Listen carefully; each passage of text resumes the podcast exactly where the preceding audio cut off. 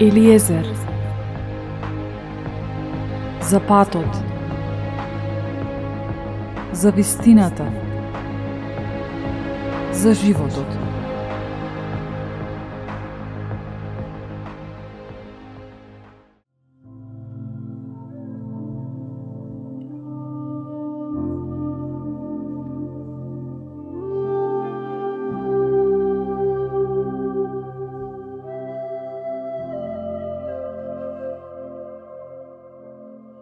Тројца луѓе во вжарена печка.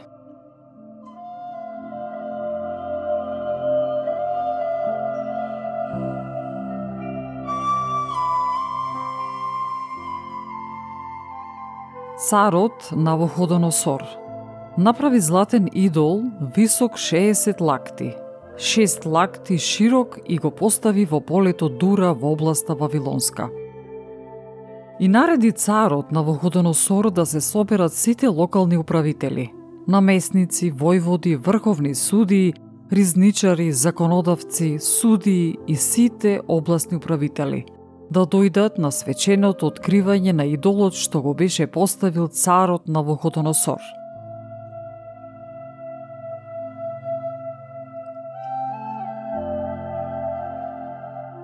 И се собраа локалните управители, намесниците, воените началници, врховните суди, ризничарите, правниците, судиите и сите областни управители за откривање на идолот кој царот на Вуходоносорт го беше поставил и застанаа пред идолот што го беше подигнал на Вуходоносор.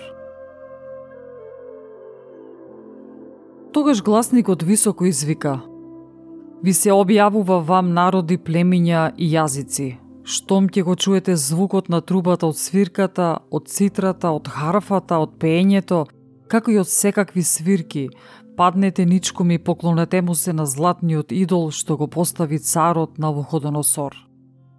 А оној што нема да падне на колена и не се поклони, веднаш ќе биде фрлен во вжарена печка.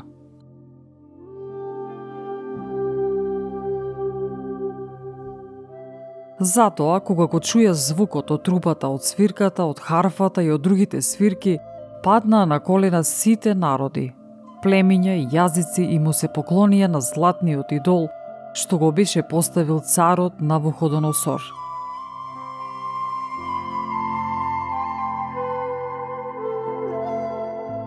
Во тоа исто време, дојдоа некои од халдејците и ги наклеветија јудејците.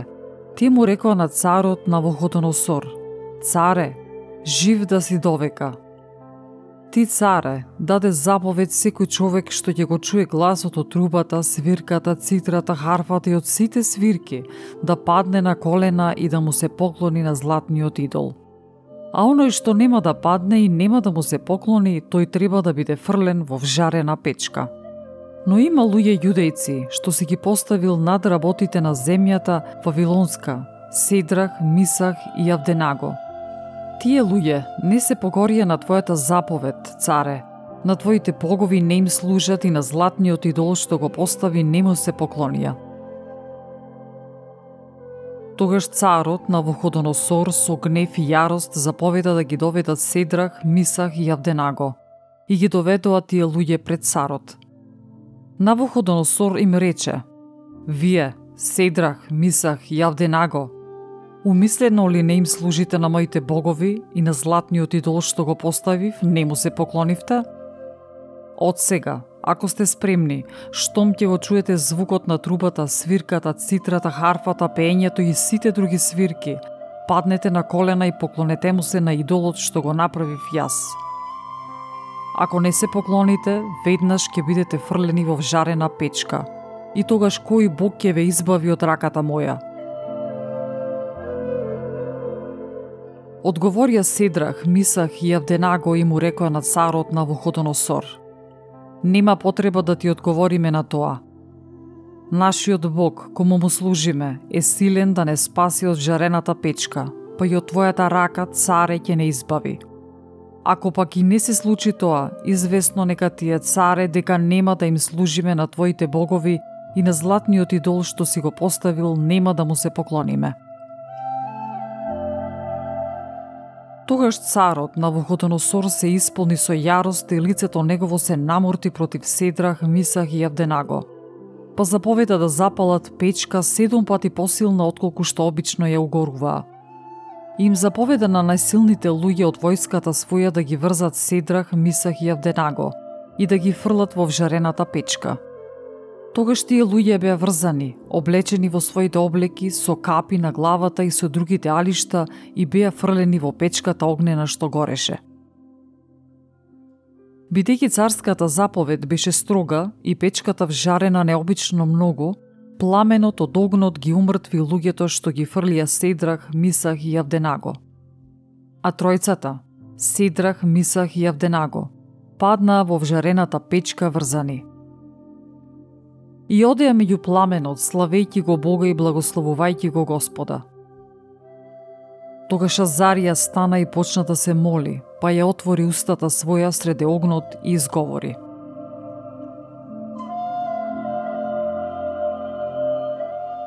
Да си благословен Господи Боже на татковците наши, нека е фалено и прославувано името Твое во сите векови зашто Ти си праведен во се што направи со нас и сите Твои дела се вистински.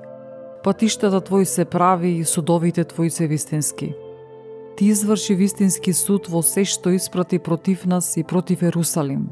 Светиот град на татковците наши, бидејќи по вистина и по суд, ти го испрати се во ова против нас заради гревовите наши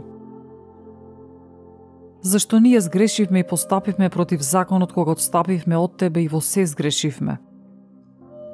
Заповедите Твои не ги слушавме и не ги пазевме и не постапувавме како што ни беше заповедал, за да ни биде добро. И се што ни испрати и се што направи со нас, го направи според вистинскиот суд. Па не предаде во раците на безбожните непријатели, на најомразените отстапници и на неправеден и најлош цар на земјата – И сега не можеме да отвориме устата своја. Станавме за срам и подсмев на слугите Твои и на оние кои те почитуваат. Но не предавај не за секогаш заради името Твој и не разрушувај го заветот свој. Не одземај ја од нас милоста своја заради Аврам, Твојот слуга, заради Исак, Твојот слуга, и Израел, светијата Твој. На кој им си рекол дека ќе го умножиш семето нивно како звездите на небото и како песокот на морскиот брег. Намалени сме, Господи, повеќе од сите народи и сега сме понижени по целата земја заради гревовите наши. Немаме ни кнез, ни пророк, ни водач, ни сепаленици, ни жртви, ни приноси, ни темјан, ниту место да ти принесуваме жртва и да ја најдеме милоста Твоја. Но со скрушено срце и со дух смирен нека бидеме примени. Како при сепаленици на овни и јунци, како прилјади угоени јагниња, така да ти биде благогодна жртвата наша денес пред Тебе, Господи, зашто нема срам за оние што се надеваат на Тебе. И сега ние одиме по Твојот пат од се срце и се боиме и го бараме Твоето лице. Не посрамувај не, но направи со нас според Твојата волја и според големата Своја милост – Избави не преку силата на чудесата своји, покажи слава на името Твое Господи. Па да се засрамат сите што им прават зло на слугите Твои, да се засрамат со целата своја моќ и силата нивна да се скрши. За да познаат дека Ти си Господ Бог еден и славен по целата Вселена. А во тоа време царските слуги што ги беа фрлиле, не престануваа да ја разгоруваат печката со нафта, смола, коноп и дрва. Па се креваше пламен над печката висок 49 лакти и се одделуваше и ги изгоруваше и оние халдејци што ќе ги досегнеше околу печката. Но ангел Господов слезе во печката заедно со Азарија и оние што беа со него – и го истфрли огнениот пламен од печката и така направи што среде печката се појави како шумлив влажен ветер. И огнот воопшто не се добираше до нив и не ги повреди, ниту ги возбуди.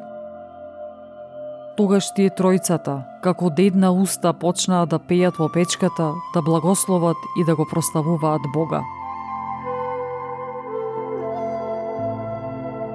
Благословен си ти, Господи Боже на татковците наши, фален и прославуван во векови и благословено е името на Твојата слава. името свето и префалено и прославувано во сите векови.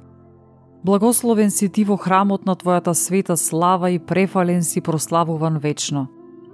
Благословен си ти која гледаш бездната, кој сидиш над хирувими и си префален и прославуван во векови. Благословен си ти врз престолот на славата на Твоето царство, префален си прославуван вечно. Благословен си ти врз основата небеска, префален си прославуван во сите векови. Сите дела Господови благословете го Господа, пеите и прославувајте го во векови. Ангели Господови благословете го Господа, пеите и прославувајте го во векови. Благословете го небеса Господа, пејте и прославувајте го во векови. Благословете го Господа сите води што сте повисоки од небесата, пејте и прославувајте го во векови. Благословете го Господа сите сили Господови, пејте и прославувајте го Господа во векови. Благословете го Господа сонце и месечино, пејте и прославувајте го во векови. Благословете го Господа звезди небески, пејте и прославувајте го во векови. Благословете го Господа сите дождови и роси, пеите и прославувајте го во векови.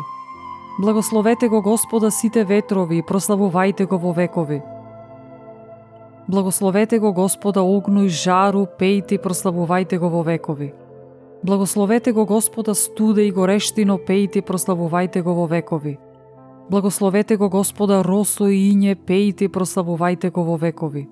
Благословете го Господа ноќи и денови, пејте и прославувајте го во векови.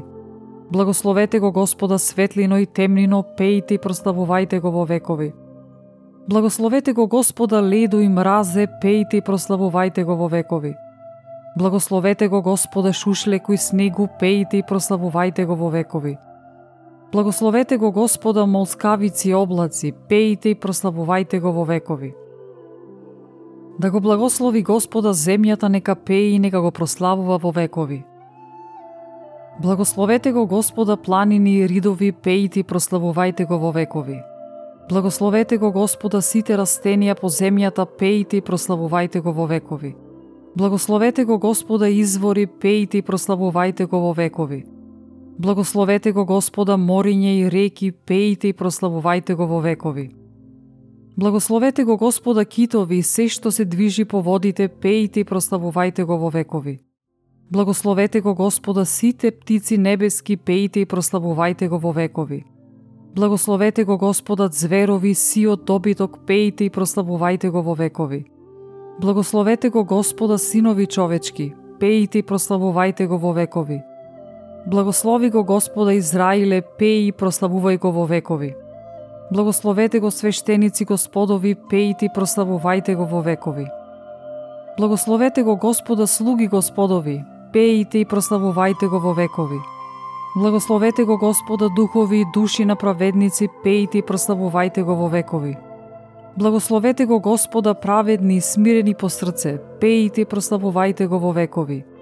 Благословете го Господа нанија Зарие и Месаиле, пеите и прославувајте го во веки, бидејќи тој не извлече од пеколот и не спаси од раката на смртта, не избави од жерената печка и не спаси од средогнот. Славете го Господа, зашто тој е добар, милоста му е во векови. Благословете го Бога над боговите сите вие што го почитувате Господа, пеите и славете го зашто милоста негова е вечна.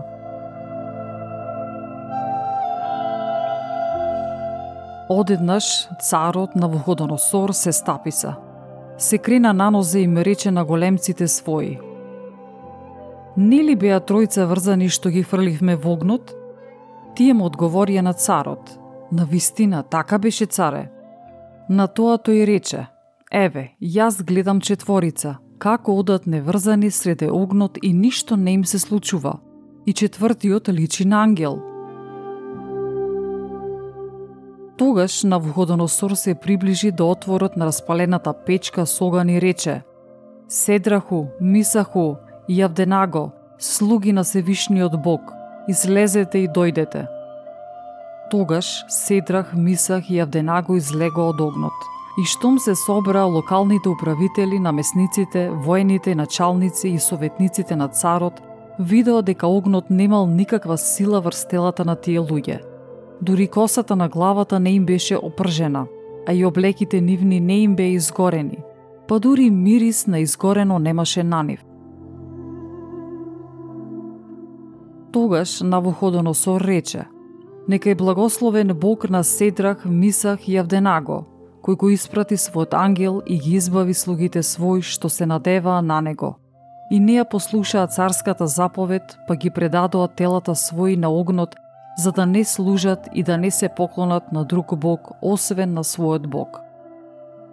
И еве, јас давам заповед ако некој од народите, племињата, јазиците, изговори хула против Бога на Седрах, Мисах и Авденаго, да се исече на парчиња и куќата да му се претвори во урнатини, зашто нема друг Бог кој може така да избавува. Тогаш царот ги возвиси Седрах, Мисах и Авденаго во земјата Вавилонска.